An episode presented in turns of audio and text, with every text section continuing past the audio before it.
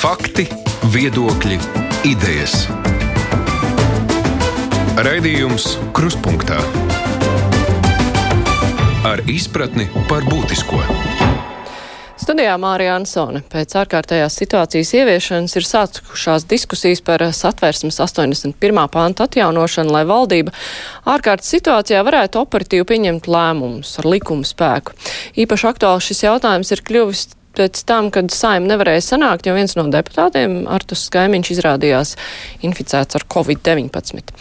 Kāda ir šī ierosinājuma ieguvumi, kādi ir riski, par to mēs diskutēsim šajā stundā. Mēs runāsim arī par citu valsts prezidenta iniciatīvu izveidot pavisam jaunu konstitucionālu institūciju valsts padomi, kas varētu vērtēt likumdošanas iniciatīvu kvalitāti un ilgtspējību. Mūsu diskusijā šodien piedalās valsts prezidenta padomnieks tiesību politikas jautājumos Jānis Pleps. Labdien! Labdien! Domnīcas providus vecākā pētniece Iveta Kažoka. Labdien! Labdien! Premjera parlamentārās sekretāra Evika Siliņa. Sveicināti! Labdien! Un konstitucionālo tiesību eksperts Edgars Pastars. Labdien! Labdien! Uh, iniciatīva ir nākusi no valsts prezidenta puses. Egils Levits jau savulaik 2007. gadā iebilda pret šī 81. panta izslēgšanu no satversmes. Uh, tagad ir nācis ierosinājums apspriest, jā, mazliet varbūt citā redakcijā, runājot par ārkārtas situācijām. Tad, Plepakungs, vai šis, šī Covid situācija ir tas brīdis, kad būtu noderējis šis 81. 81. pants. Kā jums šķiet? Uh, Vispirms uh, jāteic, ka jebkurš um, teiksim, tajā brīdī, kad parādās jautājums, rodas nepieciešamība meklēt atbildes. Un ārkārtējā situācija, bet pareizāk sakot, ne tik daudz pati ārkārtējā situācija, jo saima un jo īpaši ministru kabinets uh, tiek galā ar krīzes uh, vadību un uh, operatīvi un saulaicīgi spēr visus nepieciešamos soļus.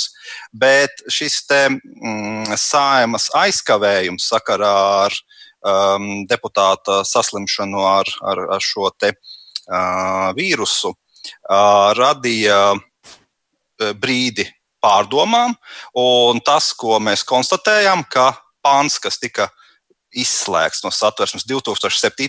gadā, būtu tīri labi noderējis šim brīdim. Respektīvi, kamēr uh, saimai ir objektīvas grūtības uh, sanākt uz sēdi un realizēt uh, likumdošanas tiesības, iespējams, šāds pants būtu palīdzējis. Un tas ir tā, tā lieta, ko varētu no šīs ārkārtējās situācijas paņemt, respektīvi apsvērt to, vai nevajadzētu satversmē ierakstīt šādas tiesības ministru kabinetam. Un vēl viena lieta, ko es uzreiz gribētu uzsvērt, ka tā nav atgriešanās pie satversmes 81. panta vecajā redakcijā. Šīs mehānisms, par ko runā valsts prezidents un par kuru valsts prezidents kā konstitucionālo tiesību lietpratējs runāja jau 2007. gadā, ir pilnīgi savādāks. Jo 81. pants strādāja laikā, kad saima bija starp sesijām, tātad miera laikos. Šajā gadījumā piedāvājums ir par to, ka ministru kabinets šādas tiesības iegūtu tikai gadījumā, kad valstī ir izsludināts vai nu kara vai izņēmuma stāvoklis, arī ārkārtējā situācijā. Respektīvi, ka ir konstatējams būtisks valsts un sabiedrības apdraudējums, un tādā gadījumā ir iespēja operatīvi, ātrāk, krietni ātrāk reaģēt uz mainīgo situāciju un spērt visus vajadzīgos soļus. Kurš būtu tiesīgs izsludināt kara izņēmumu gadījumus ārkārtējo situāciju? Šobrīd tam ir nepieciešams saimnes akcepts. Uh, satversme paredz šīs procedūras pietiekami skaidri. Tātad uh, ārkārtējo situāciju izsludina ministru kabinets, un tam ir nepieciešama saimnes apstiprināšana. Ļoti līdzīgi arī izņēmuma stāvokli izsludina uh, ministru kabinets, un tam ir nepieciešama saimnes apstiprināšana, ja tā ir iespējama konkrētajā situācijā. Tik, respektīvi, saima apstiprina tajā brīdī, kad tas ir objektīvi iespējams, tai sanākt uz sēdi. Un savukārt kara laiks, atbilstoši satversmei un nacionālās drošības likumam, iestājas brīdī, kad mēs saskaramies ar ārēja ienaidnieka uzbrukumu Un šajā situācijā valsts prezidentam ir pienākums spērt nepieciešamos militārās aizsardzības soļus un sasaukt saimu, lai lemtu par šo režīmu. Jebkurā gadījumā saimas uh, vismaz viens balsojums pirms tam būtu nepieciešams. Uh, saimas iesaiste arī šajos tiesiskajos mm -hmm. režīmos ir ļoti būtiska. Mēs esam parlamentārā republika, un saima arī šajā tiesiskajā režīmā, ārkārtējā situācijā vai kara laiks, cik nu tas ir iespējams, turpina visas savas funkcijas kontrolē valdības darbu, var jebkurā laikā arī šo režīmu pārtraukt ar savu lēmumu, kā arī pieņem likumus, ja tas ir iespējams. Silīns kundze, kā jums šķiet, vai būtu nepieciešams šāds 81. pāns jaunā redakcijā, vai valdībai tas būtu pamatīgi atvieglojis darbu? Nu, šodienas, no šodienas skatoties, mēs esam izkļuvuši no situācijas bez šī panta, bet jāatzīst, ka tajā brīdī, ka bija skaidrs, ka kaimiņu kungam ir vīrus, un vēl nezinājām, vai vēl kādiem deputātiem nav šis vīrus, kas padarītu faktiski problemātisku saimnes sanākšanu. Tad, jā, es piekrītu, šī debata bija ļoti karsta, jo arī ārkārtējās situācijas un izņēmuma stāvokļa likums neparedzēja vairāk kā divas reizes pagarināt ārkārtējo situāciju. Līdz ar to mums bija skaidrs, ka mums ārkārtīgi vajag risinājumus jo dažus atsevišķus jautājumus, pieņemsim, vida deklarācijas jāiesniedz bija līdz 31. martam. Taču, lai pagarinātu šo termiņu, to regulē likums. Un ministru kabinets nevarēja ar saviem noteikumiem saimai nesenākot šo datumu izmainīt un izskaidrot sabiedrībai, kāpēc valdība nerīkojas, bija arī ārkārtīgi sarežģīti, jo mēs nevarējām izdarīt to, ko var izdarīt tikai saima.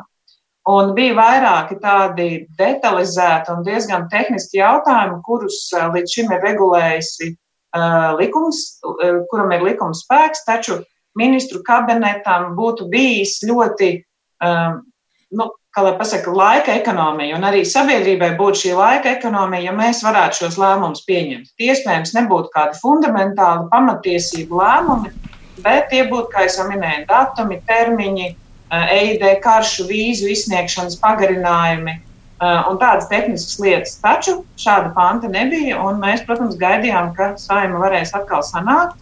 Un, tad arī attiecīgi izstrādājām atsevišķu likumu, kurš tāds ir tāds tā kā jumta likums visiem šiem Covid krīzes risinājumiem. Es personīgi daudz darba uh, pavadu starp koordināciju starp saimu un ministru kabinetu, jo bez saimnes iesaists, joprojām ministru kabinets, protams, kā izpildvaras atzars, ir ierobežots savos lēmumos.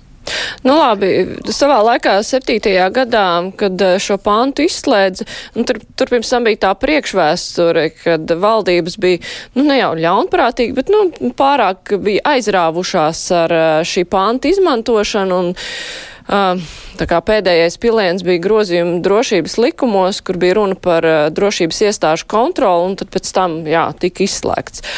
Kādi ir riski, ja uh, valdībai tiek dots pieņemt uh, noteikums ar likumu spēku, vai ir kaut kā jānodrošinās pret iespējamiem riskiem pastarkungs, kā jums šķiet? Jā, es, jūs pareizi teicāt par to 81. pantu. Es to tā sauktu par to, ka šis pants bija ar iedzimto grēku. Viņš bija radīts 20. gadsimta sākumā ar mērķi valdīt bez parlamenta. Un arī valdības 2000. gada sākumā izmantoja ļaunprātīgi. Un tāpēc labi vien, ka viņu arī izslēdz 2007. gadā. Bet tā vietā vajadzēja radīt kaut ko citu. Un daudz labāku, tur, kur ir lielāki kontrols mehānismi, ka tas nenotiek tikai starpsesiju laikā, kā saima aiziet kartupeļus stādīt vai sienu paļaut, tā tajā brīdī valdība ieslēdz savu savu aparātu, lai varētu pieņemt likumus, negaidot saimu, vai apējot to, kas saimā nebija dabūts cauri iepriekšējā sesijā. Šāda praksa ir pilnīgi nepareiza. Šī neatliekamā vajadzība bija ļoti diskutabls jēdziens, cik tad viņa ir neatliekama. Un tas parāda to, ka jaunai redakcijai ir vajadzīgi strikt skaidrāki nosacījumi un uh, pie, retāka piemērošanas gadījumi, nevis tikai tad, kad saima uh, šajā brīdī ir sapsasīju periodā. Tāpat arī viņam būtu vajadzīga valsts prezidenta kontrole. Proti, ka šis dokumentus, kas izdot 81. panta kārtībā, paraksta valsts prezidents vai arī neparaksta. Uh, un tas valdībai tomēr liktu rēķināties ar zināmu kontrolas mehānismu. Tāpat arī saimā, kā arī Plepkungs teica, būtu iespēja atcelt šos noteikumus kad vien tā vēlētos, tuvākajā dienās sanākot uz, uz sēdi, ja viņi to spēj darīt. Es nedomāju, ka 81. pantam būtu jābūt vīrusa pantam vai kaimiņa kunga pantam. Viņam pēc būtības būtu jābūt tādam, kas arī kalpotu jebkurai situācijai, kad saima objektīvi kādu ārkārtējo situāciju dēļ nevar sanākt, bet rīcība ir vajadzīga. Gan vai nu tādēļ, ka tas ir uh, vētras, postījumi, dabas katastrofas, vīrusi, pat nav tik būtiski, kas tieši ir tas iemesls. Bet, ja vajag likuma uh, grozījums, kā arī Silvijas kundze tikko aprakstīja, tad viņiem ir jābūt iespēja noteikt. Lik, valdības tiesības izdot likumus ir izņēmums no vispārējās kārtības. Un tā var būt tikai īslaicīga un uh, tiesība īpašos apstākļos, Uh, un viņam tik un tā beigās ir jābūt iespējams, ka parlaments pret viņiem iebilst, vai prezidents pasaka, ka tas nav pareizi. Tā kā ideju atbalstu. Mm -hmm. Kažoks kundze. Man šķiet, ka tā nebūtu slikta lieta izveidot kaut kādu mehānismu krīzes situācijām, bet noteikti nedrīkst pieļaut tos riskus, ko mēs redzējām šī gadsimta sākumā, kad ministrijas principā gaidīja uz to brīdi, kad sājuma aiziet atvaļinājumā, lai ātri, ātri pieņemtu slikti izstrādātus likumprojektus, nepietiekami izdiskutētus likumprojektus vai arī ļoti aizdomīgus likumprojektus. Ja šis risks tiktu novērsts, es domāju, ka kaut kāda jauna secība, kas darbojās tikai ārkārtas situācijās, būtu vajadzīga. Jo nu, mēs šobrīd to epidēmiju uztveram ļoti smagi, un viņa tiešām arī ir smaga ar ļoti nopietnām sekām. Bet vienlaikus vienmēr uh, nedrīkst aizmirst, ka varēja būt vēl daudz ļaunāk. Sājumai tiešām varēja arī nebūt iespējas sanākt. Un šādās situācijās kaut kāds rezerves mehānisms, kā valsts var turpināt funkcionēt, ir ļoti vajadzīgs. Bet, protams, garantējot par to, ka tas netiek izmantots miera laikos ļaunprātīgi. Nu jā, te vairāk kārt tika pieminēts tas, ka, lai neizmanto ļaunprātīgi, tagad, eh, nu, kad ir Covid krīze, arī valdībai tiek pārmests, nu, ka tā mēģina izmantojot to, ka saima eh, tur sanāk aizklāti, nevar eh, cilvēki piketēt, nevar deputāti sanākt normāli zālē, ka tiek strauji virzīti cauri likumi. Vai ir jānodrošinās pret to, ka valdība, nu, arī, jā, ārkārtējos apstākļos, bet sāk sāk pieņemt eh, kaut kādus lēmumus, kur varbūt eh, nebūtu šai brīdī patiešām vajadzīgi, bet, nu, kaut kādas kaut kādas intereses tiek realizētas, vai pret to var nodrošināties, vai var ierobežot jautājumu loku, par ko var lemt, vai arī ir jādod pilnīgi rīcības brīvība, ko valdība uzskata par vajadzīgu lemt, par to arī lemj. Lepkungs. Um, nodrošināties var un vajag, un tā ir tā ideja, kāpēc šajā pantā būtu jāparedz jau laikus dažādi mehānismi, Un arī no satversmes 81. panta pagātnes mēs redzam, ka varbūt jautājumu uzskaitījums nestrādā. Nu, ja mēs uzskaitām jautājumus, kurus nevar nosacīt, sakot, ministru kabinets aiztikt, Uh, ir bijuši piemēri arī slavenā satversmes tiesas lieta par Nacionālās bibliotēkas būvniecību, ka nu, tiek izdomāts mazliet radoši, kā to, kā to arī apiet. Eh, tas, kas ir būtiski un, un par ko arī valsts prezidents ir eh, rakstījis eh, vakardienas jurista vārdā, publicējot savu ideju par šiem noteikumiem ar likuma spēku, ka ne tik daudz saturisks uzskaitījums, ko var, ko nevar darīt, jo to pateikt īsti uh, par nākotnes valsts sabiedrības apdraudējumiem varētu būt grūti, bet procedūras. Pirmkārt, ļoti skaidri pateikts, kurā brīdī šīs tiesības tiek iegūtas. Respektīvi, ka ir šie valsts apdraudējuma momenti un valdībai ir jārīkojas. Otkārt, e, varas dalīšanas mehānismu saglabāšana, tas, ko Pastāvkungs e, tikko minēja, respektīvi, vēl vismaz viena konstitucionālā orgāna iesaistīšana šo e, noteikumu ar likuma spēku iedarbināšanā. Um, vecajā 81. pantā bija modelis, ka valdība pieņēma un pati publicēja. Ja mēs paredzam, ka valsts prezidentam, un ja valsts prezidents ir aizkavēts, tad vietas izpildītājiem, sājumas priekšsēdētājiem ir tiesības parakstīt un tiesības arī neparakstīt šos noteikumus ar likuma spēku, tad tā jau ir tāda uh, varas dalīšana un diskusijas iespēja. Un trešā lieta, kas ir ļoti būtiska, saimas tiesības jebkurā brīdī šādus noteikumus ar likuma spēku izskatīt un atcelt, pasakot, ka nē, tā nevar darīt. Un ar to saistīta vēl viena lieta, ko uzsver valsts prezidents, ka šajā gadījumā būtu svarīgi paredzēt, ka tie ir ar pagaidu raksturu. Tie ir spēkā tik tālu, cik tālu ir ārkārtējā situācija, kara vai izņēmuma stāvokļa laiks. Tikko šis režīms beidzas, noteikumi zaudē spēku un atgriežas iekšējā, iepriekšējā tiesiskā kārtība. Un tas varētu arī atturēt no vilinājuma sakārtot kādu jautājumu uz visiem laikiem, nu, teiksim, steidzamības aizsegā. Pastarkungs, kā jums šķiet, vai šis iets tad ir pietiekams valsts prezidents, kurš var neparakstīt saimu, kura var sanākt, nu, varbūt ne tik operatīvi, bet principā atcelt var, un gal galā arī, jā, pēc tam lemt par, jā. Jā, es pilnīgi piekrītu, ka šis iets ir pilnīgi pietiekams, jo jautājumu uzskaitījums ir sliktākais, ko uzrakstīt, jo tas ir darbs juristiem, lai interpretētu, kas tur apakšā ir vai nav šajā formulējumā, un mēģināt pamatot, ka tas tur nav un darīt jau drīkst. Tādēļ eh, es teiktu, ka šis komplekss, kas tikko tika minēts, ir labs komplekss, viņš ir stingrs un ir īpaši tas terminējums, ka šie risinājumi nevar būt ilgstoši. Pastāvīgi, kad grozījumi tiek pieņemti tikai uz noteikta situācijas risināšanu, uz noteiktu laiku. Eh, tas, dot, tas būtu labas zāles pret, eh, pret ļaunprātībām, ja kādam tāds ienāktu prātā. Mm -hmm. Tajā pašā laikā nu, pagaidām pat valdības koalīcijā nav vienprātības par to, vai šādus grozījumus satversmē vajag uh, Siliņas kundze. Vai valdībā to nopietni apspriež vai nepārāk šobrīd? Kā jau minēju, tad, tad mēs esam tikuši galā šobrīd bez šādiem grozījumiem. Un, uh, ārkārtējās situācijas izsludināšana arī šobrīd tiek pārapstiprināta saimā. Ar katru grozījumu, ko valdība pieņem, valdība dodas uz saimu.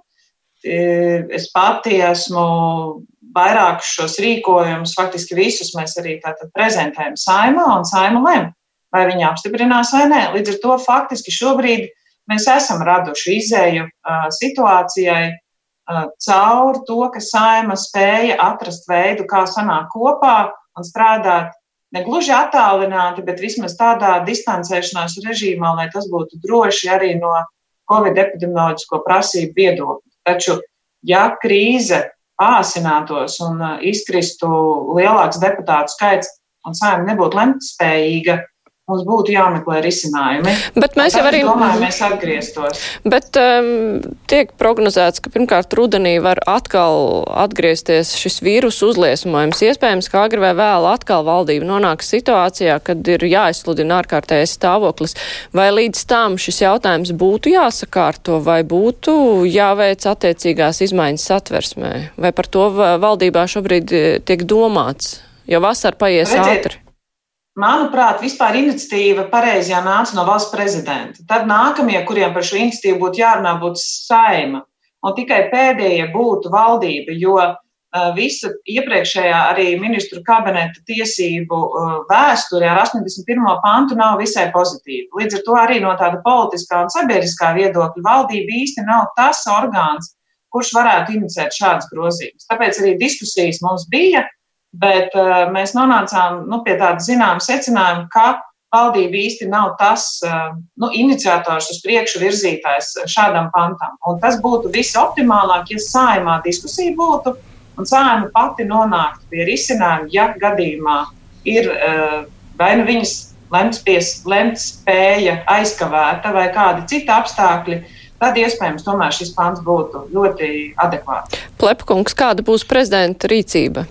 Eh, pre, valsts prezidents vakar tikās ar visu sājumas frakciju vadītājiem, jo satversmes grozījumi prasa plašu vairākumu sājumā. Tas ir konstitucionālais vairākums, tas ir vairāk nekā koalīcijas balsis. Un tikšanās reizē ar visu sājumā esošo frakciju vadītājiem uh, tika pārunāts šis jautājums. Uh, frakciju vadītāji frakciju vārdā arī izteica uh, idejas un, un, un, un ierosinājumus, kas varētu būt vēl apsveramie jautājumi šajā te, uh, redakcijā. Un sājumas priekšsēdētāja Ināra Mūrniece uzsvēra, ka viņa redz šo diskusiju sājumā. Tā arī bija tā vienošanās, kas vakar tika panākta, ka saima balsos par šādu redakciju. Tas nozīmē, ka saimā ir jābūt šai diskusijai, ekspertu uzklausīšanai, un e, saimā ir jāformulē detaļas, kādas, kāda varētu izskatīties redakcija, kas varētu gūt nepieciešamo balsu vairākumu. Un tieši tāpat jāņem vērā, ka satversmes grozījumi nav iespējami steidzamības kārtībā. Tie ir trīs lasījumi ar normālu priekšlikumu iesniegšanas laiku, ar diskusiju, un tas ir tāds pamatīgs un kārtīgs saimas kā konstitucionālā likumdevēja darbs. Bet vai to var līdz rudenim, piemēram, izdarīt, kad iespējams atkal būs jādomā par ārkārtējo stāvokli? Ir iespējams ir tas iespējams, bet vienlaikus es teiktu, ka no prioritāšu viedokļa saimai šobrīd ir eh, pirmā prioritāte būtu vispār atrast iespēju strādāt ārkārtas situācijās, ja nepieciešams elektroniski, pat tad, ja deputāti ir saslimuši, lai saimas darbs netiktu paralizēts. Un visi šie ārkārtas mehānismi ir vajadzīgi, bet viņiem, viņus ir jāuztver kā pēdējā, pēdējā izvēle. Tad, kad nav citu iespēju, saimai var sapulcēties un pašiem pieņemt lēmumus, kādā gadījumā darboja iedarbinās šis ārkārtējais, ārkārtas situācijas mehānisms. Bet uh, vienlaikus uh, nu, es teiktu, ka saima cenšas modernizēties. Es zinu, ka šobrīd saimā arī top uh, kaut kāds elektroniskais risinājums tam, lai varētu nu, nodrošināt balsojumu, bet vēl šis tas ir jāizdara, lai arī nu, tie deputāti, kas līdz šim nu, nav spējuši elektroniski piedalīties saimnes sēdēs, šīs prasmes līdz rudenim apgūt. Man šķiet, ka tā ir prioritāte numur viens. Mm -hmm. Silīns kundze, jūs gribējāt ko piebilst? Jā, es tikai gribēju piebilst, ka tieši tā mēs uh, zinām, ka saimi ļoti aktīvi uh, tātad ir uh, strādā pie tā, lai būtu šī e-balsošana, elektroniskā saima. Saima arī esam devuši tiesības, ko saima pati ir apstiprinājusi, tātad veikt iepirkumu elektroniskais sistēmas izveidē. Mēs ļoti arī, protams, paļaujamies, ka šāda elektroniskā balsošana būs un viņi strādās. Jo, protams, mēs vēl nezinām, kāda būs reālā dzīve, kā viņi strādās ar elektroniskiem parakstiem, kas ir nu, diezgan sarežģīts process. Tas nav iespējams tik vienkārši kā ministra kabinetā. Līdz ar to arī varbūt tā aktualitāte un tāda deguma sajūta, ka mums vajag šādu pantu, ir mazliet aizgājusi otrajā plānā, cerībā, ka saimnes spēs atrast citus veidus, kā viņi strādās attālināti kā Kažoks kundze teica, pat ja kādi deputāti būs saslimuši, protams, ne tik ļoti, ka viņi nespēja veikt savus darba pienākumus. Bet, kā jau minēju, diskusija ir nepieciešama, jo uh, mums ir jāsaka, nu, mēs nevaram, nevaram spēt paredzēt visas tās situācijas, kādās mēs varam nonākt. Mums tikpat labi var e-sistēmas uzkārties, vai nu, kaut kādas uh, sistēma pārslodzi var būt, un tad arī šis nestrādās, bet uh, valdībai ir jābūt spējīgai pieņemt lēmumus, lai mēs varētu nu, novērst jebkādus draudus mūsu sabiedrībai. Tāpēc es domāju, šī diskusija saimā ir nepieciešama, bet ne tādā pašā, pašā priekšplānā pirms Covid jautājuma risināšanas, ka šobrīd ir nu, pirmā nepieciešamība elektroniskās saimnes. Un tad, es domāju, diskusija vasaras laikā vai saimai pieņemamā laikā būtu vajadzīga. Plepkungs, ja vakar bija tikšanās ar visu saimnes frakciju pārstāvjiem, tad tas noskaņojums nosvērās vairāk uz kuru pusi, ka vajag vai nevajag, tur var, tur pietiktu balsis, lai satvērsim grozīt vai nē. Uh, droši vien balsis var sākt skaitīt tikai procesa beigās, kad ir redzama redakcija, pār ko ir jāmeklē balsis. Respektīvi, tas darbs, kas šobrīd visdrīzāk sājumas juridiskajai komisijai vai uh, darba grupai, kas bija izveidota pie juridiskās komisijas darbam ar satversmes grozījumiem, būtu izdarāms, ir saprast uh, nosacījumus, jeb detaļas šim regulējumam kādā brīdī, par kādiem jautājumiem, kādā procedūrā, kad zaudē spēku saimas līdzdalība šajās procedūrās. Un tas varētu, varētu prasīt laiku. Un tas ir normāli, jo satversmi mēs rakstām uz ļoti ilgiem laikiem, ne tikai uz vienu konkrētu gadījumu, kas būtu atrisināms. Un otra lieta, ko jau Kažokas kundze uzsvēra, ir arī dzan, šī elektroniskā, jeb elektroniskā sājuma, jeb attālināta sājumas darbs. Tas ir ļoti liels izaicinājums un tā ir ļoti vajadzīga lieta. Un mēs jau ikdienā redzam, ka sājumas regulārais darbs notiek, notiek attālināts komisiju sēdes. Um, es ar ļoti lielu interesi gaidu arī šo esājumu, kā tas funkcionēs. Un tādā ziņā, nu, ja mēs skatāmies arī e, plašākā Eiropas kontekstā, Latvijas sistēma un mūsu rēģēšanas spēja izskatās labi. Uh, mums visi konstitucionālie orgāni darbojas. Piemēram, satversmes tiesa šobrīd attālināti izskata lietu ar lietas dalībnieku piedalīšanos tieši saistē. Un, un tas ir patiesībā viens piemērs, uh, starp citu, kas parāda šo mūsu satversmes uh, unikalitāti, ka simts gadus vecu tekstu mēs varam piemērot un izmantot arī šādos apstākļos. Un tā arī vajadzētu uzrakstīt šo nākamo pantu. Tajā pašā laikā vai ir jābūt kaut kādai drošībai, nu, ja viss tiek eh, pārcelts uz e-vidi kritiskā brīdī, vai nav risks, eh, tajā skaitā arī no valsts drošības viedokļa, noteikti taču arī kiberuzbrukumi var nu būt problēmas ar internetu, nu, saliekot visus solus vienā groziņā, vai tur nevar eh, rasties vēl lielākas problēmas? Tieši tāpēc ir vajadzīgi dažādi risinājumi. Gan e-saima, gan ārkārtas tiesības šādiem gadījumiem valdībai, un arī satversme joprojām paredz arī virspavēlnieku kara laikam, un Nacionālās drošības likums paredz arī mehānismus, kā nodrošināt valsts uh, saglabāšanos un turpināšanos līdz situācijas normalizēšanai. Mm -hmm. Es atgādināšu klausītājiem un Latvijas televīzijas skatītājiem, ka mūsu diskusijā šodien piedalās valsts prezidenta padomnieks tiesību politikas jautājumos Jānis Pleps, domnīcas providus vecākā pētniece Iveta Kažoka. Premjera parlamentārā sekretāra Evika Siliņa un konstitucionālo tiesību eksperts Edgars Pastars, un mēs turpināsim ar citu valsts prezidenta iniciatīvu par valsts padomas veidošanu. Raidījums Krustpunktā. Jā, satversmes tiesas priekšstādātāja Inēta Ziemela, kur diemžēl nevarēja šodien piedalīties mūsu diskusijā, viņa iepriekš eh, ir norādījusi, ka satversme mm, neparedz likumdošanas procesa laikā iegūt konstitucionālu orgānu kvalificētu vērtējumu par sagatavotiem projektiem, un satversmē ir iekodēts izteikti politisks likumdošanas raksturs. Vai šis izteikti politiskais raksturs eh, likumdošanas jomā rada problēmas, kā jums šķiet, Kažoks kundze? Um.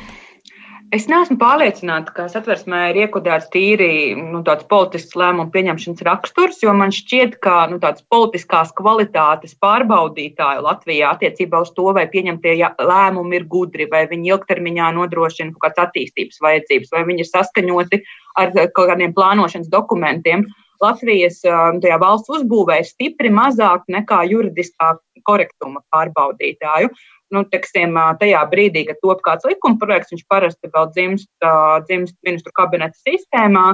Ir īpašas institūcijas, gan Tieslietu ministrija, gan valsts kancelē, kas juridiski pārbauda, vai tur viss saskan ar satversmi un ir juridiski korekts. Pēc tam tas likuma projekts iet uz saimu, kur ir īpašs birojs, juridiskais birojs, kas atkal vērtēs šos juridiskos jautājumus pēc tam beigu beigās prezidentam ir tiesības atdot šo likuma projektu atpakaļ saimai, tad, ja lik, likumu, kā, likumu jautājumu, juridisko jautājumu līmenī kaut kas nav pareizs, un beigu beigās vēl ir satversmes tiesa, kas var to atcelt likumu ar spēkā stāšanās brīdi. Manā izpratnē, teiksim, tieši tās juridiskā korektuma pārbaudītāju Latvijā ir ļoti daudz.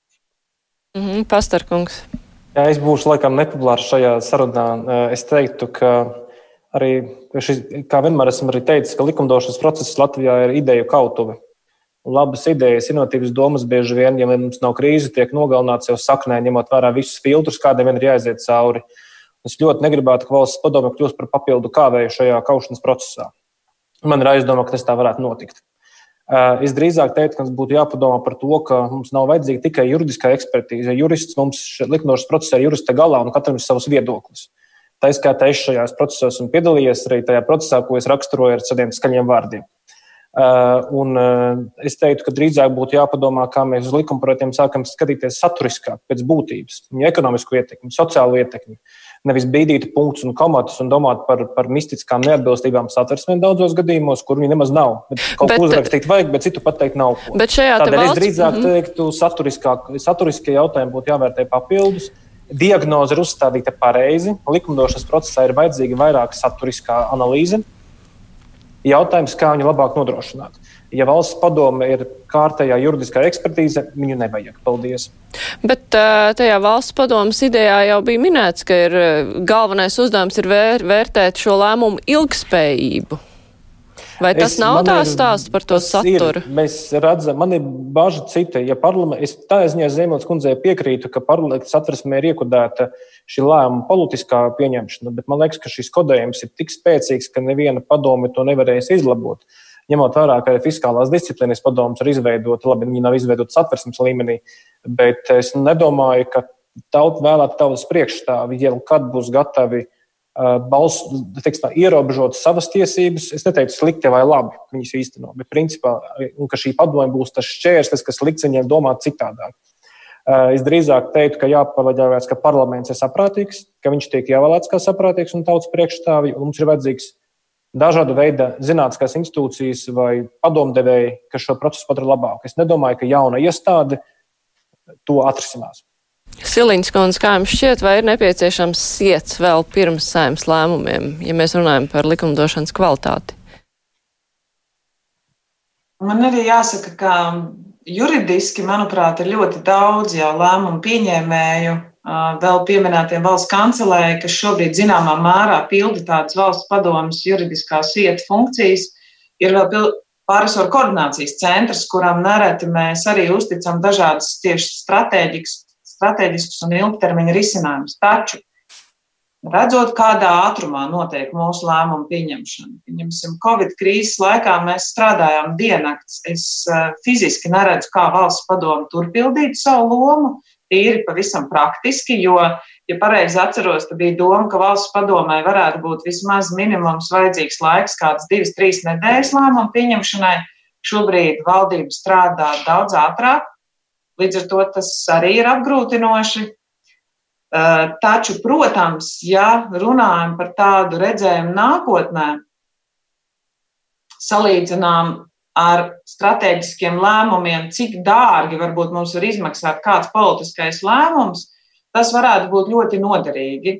Taču kā to fiziski ieviest mūsu jau esošajā sistēmā, eh, man acīm redzot, pietrūkst tādas domas, jo, kā jūs arī teicat, tas ātrums, kādā šobrīd pieņem lēmums, laist vēl caur vienu sietu, jo tā doma bija, ka valsts padomu darbotos vēl pirms lēmumu pieņemšanas saimā.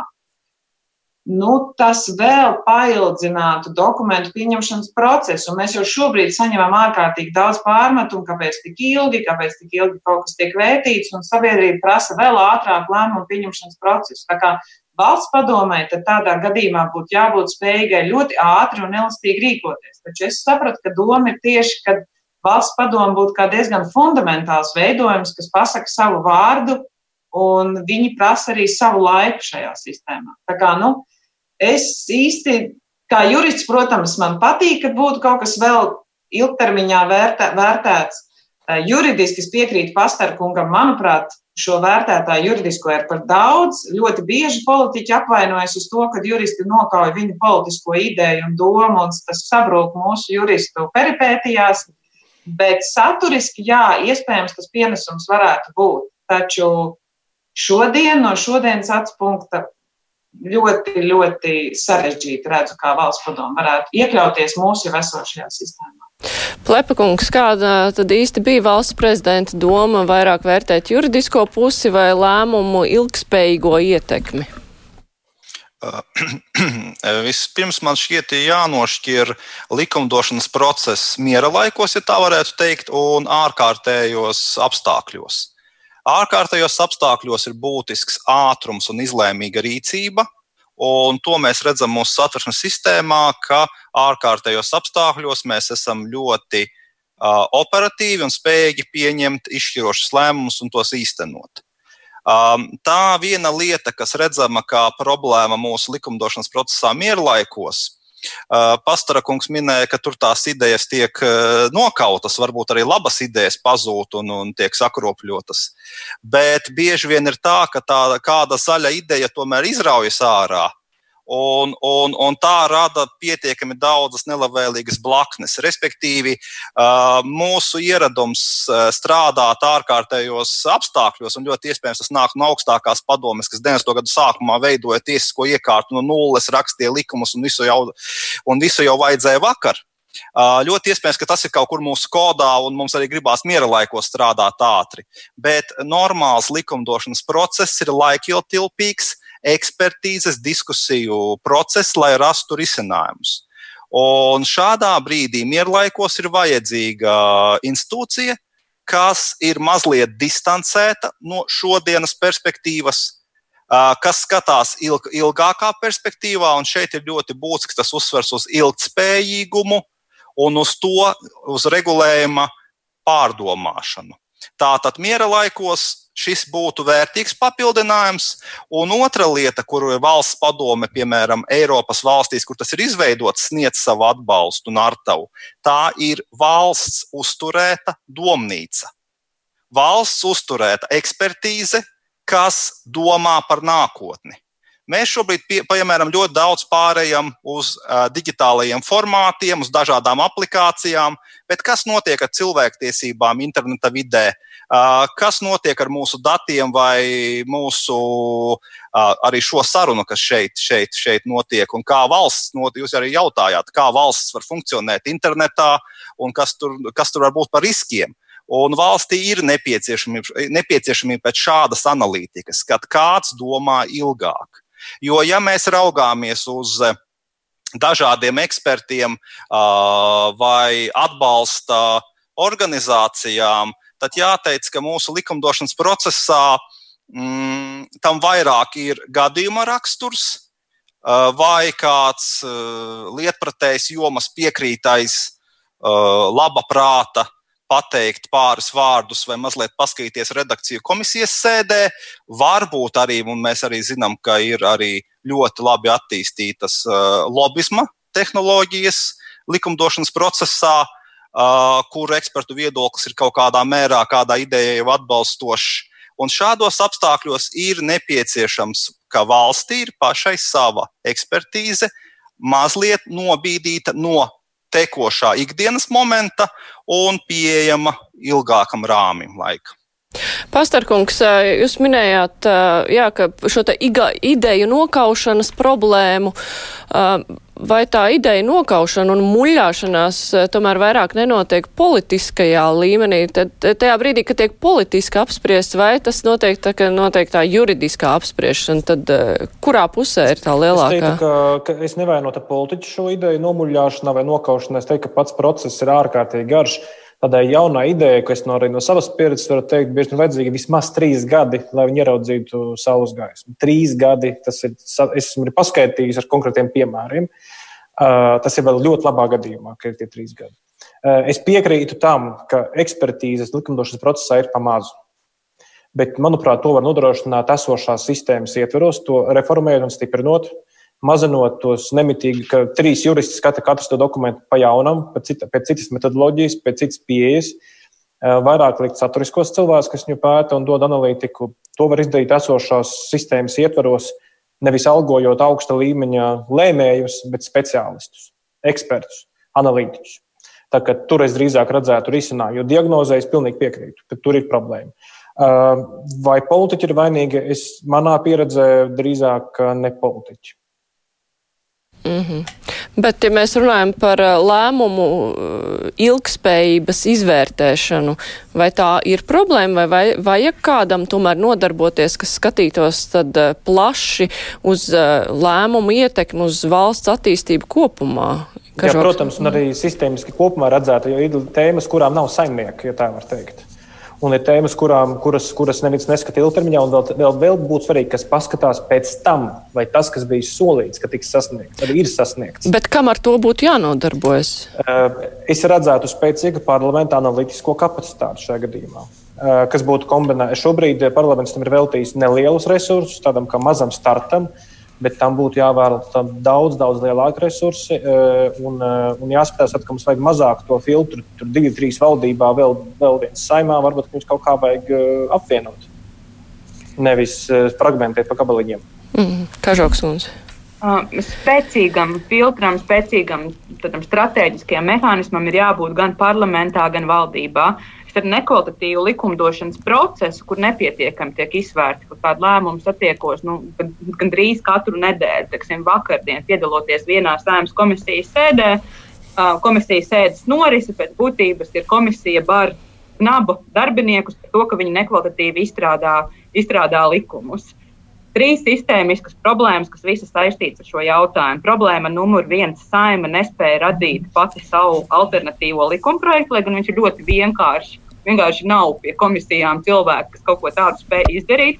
Problēma numur divi valdība ir palaidusi refe, reformu, konkrētajā gadījumā sarežģītu reformu, tā saucamā dekodifikācijas reforma, kas vienkārši prasa, lai valdība spēj visām ministrijām, visām iestādēm uzstādīt vienādus noteikumus, kā šī reforma ir īstenojama. Un trešā problēma, un tas ne, netiek izdarīts. Un trešā problēma, tā ministrija, kas ir atbildīga par šo jautājumu, nespēja izskaidrot ne citām ministrijām, ne saimai, kādas pamat problēmas attiecībā uz šo jautājumu, jo nav izsacinājusi, kas ir bijis nepareizi iepriekšējā sistēmā un nav atbildējusi visiem problēmu jautājumiem. Tā kā jā, ar likumdošanas procesa kvalitāti mums ir problēmas, bet šeit es pilnīgi piekrītu Paštarkungam, ka pirmā prioritāte ir stiprināt tās institūcijas, kas mums jau ir, iedot saimai gan spēcīgu analītisko dienestu, gan arī spēju komisijām izstrādāt savus likumprojektus Tāpat tās stiprināt mūsu valdībā spēju veikt, organizēt kvalitatīvas reformas un vērtēt iepriekšējo reformu ietekmi.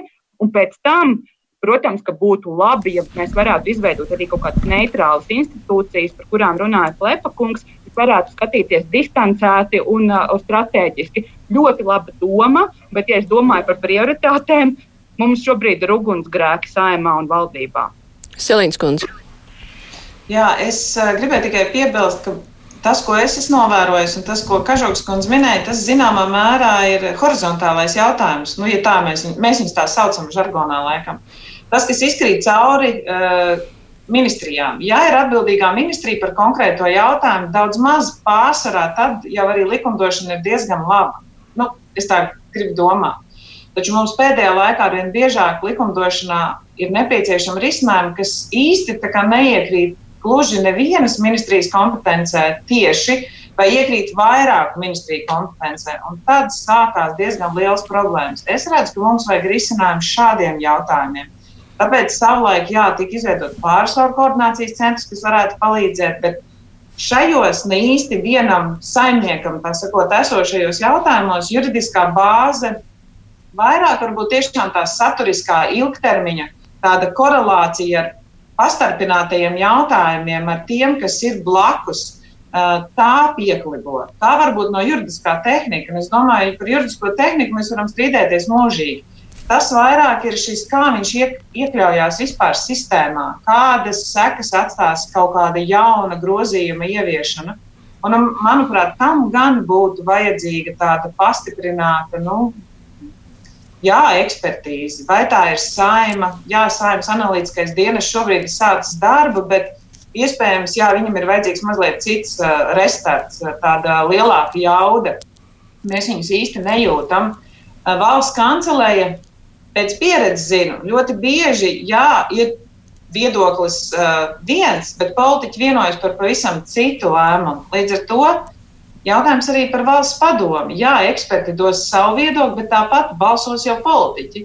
Un politiķi tāpat būs tie, kas izdarīs gala lēmumu. Vai arī viņiem ir jābūt pietiekoši daudz, tātad arī saimā, savas ekspertīzes, savai tādai palīdzībai jānāk katram deputātam, ka viņš varētu katru to lēmumu, kas viņam jāpieņem, pietiekoši labi arī pārbaudīt, lai viņš saprastu. Viņam ir jābūt arī tādai ekspertīzei, kas sakot, pie rokas, pie stāviem.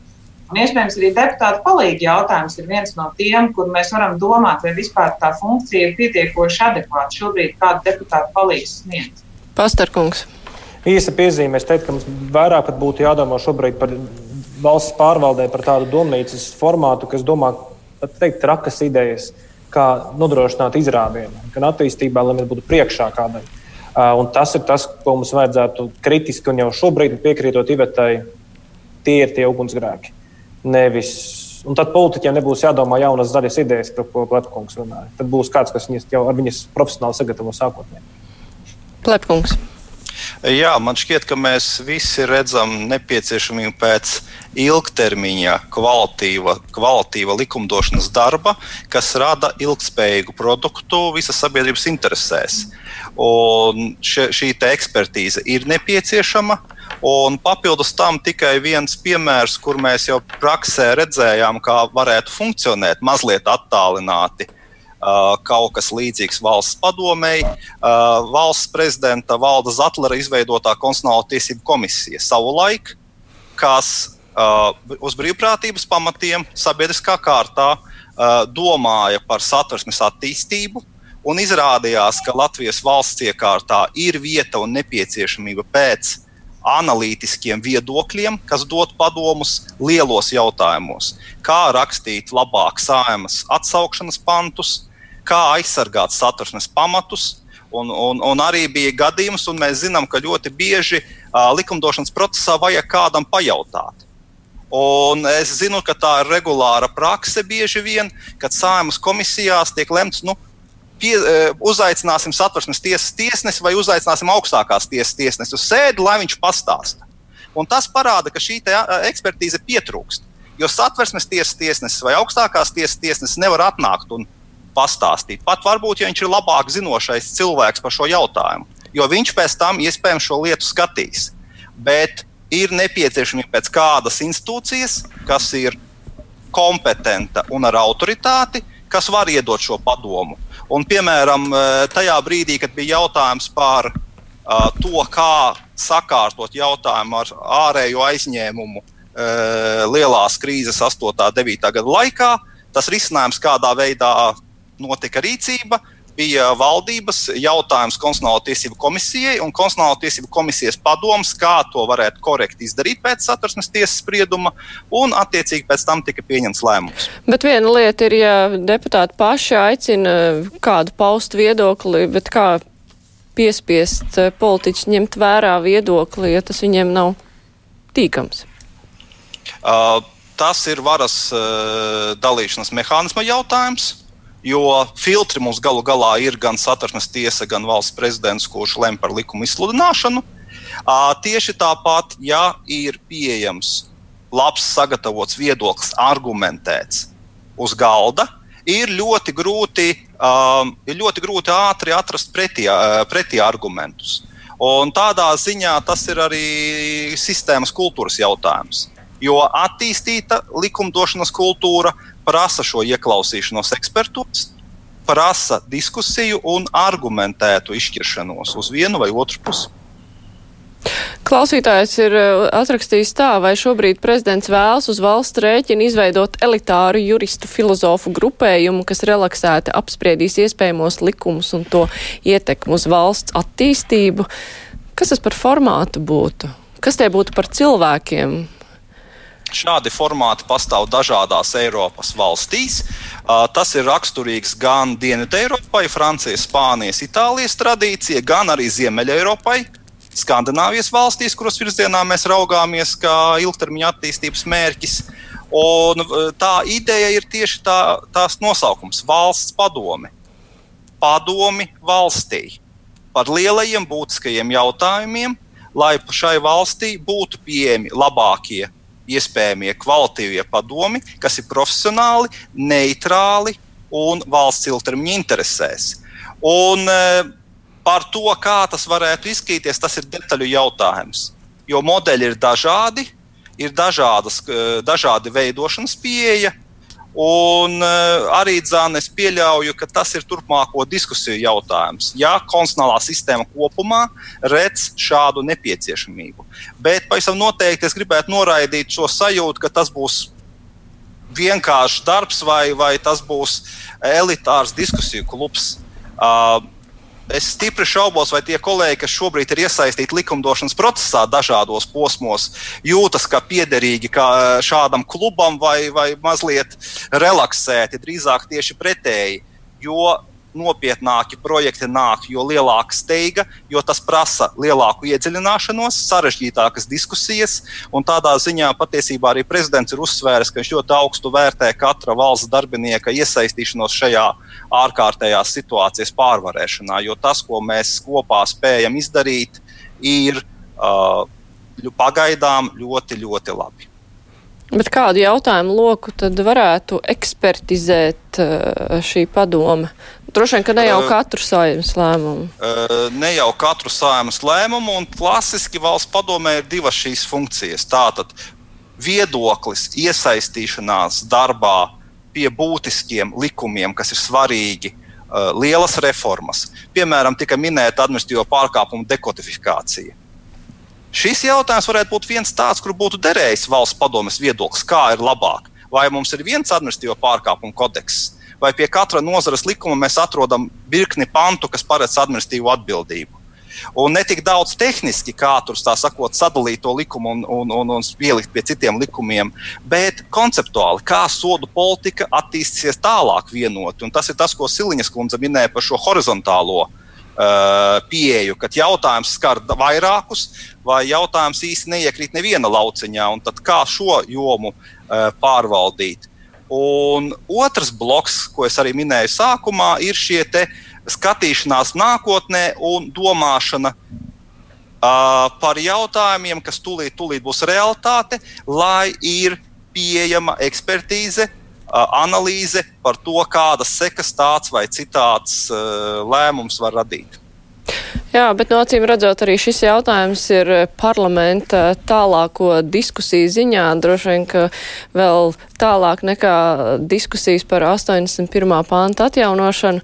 Arī šodien mums vairs sarunai laika nav. Es saku paldies diskusijas dalībniekiem. Kopā ar mums šodien bija valsts prezidenta padomnieks tiesību politikas jautājumos Jānis Pleps. Tāpat arī Domnīcas providus vecākā pētniece Iveta Kažoka, premjera parlamentārā sekretāra Evika Siliņa un konstitucionālo tiesību eksperts Edgars Pastars. Paldies, ka varējāt piedalīties. Redījums ar to arī izskan. Vislabāk!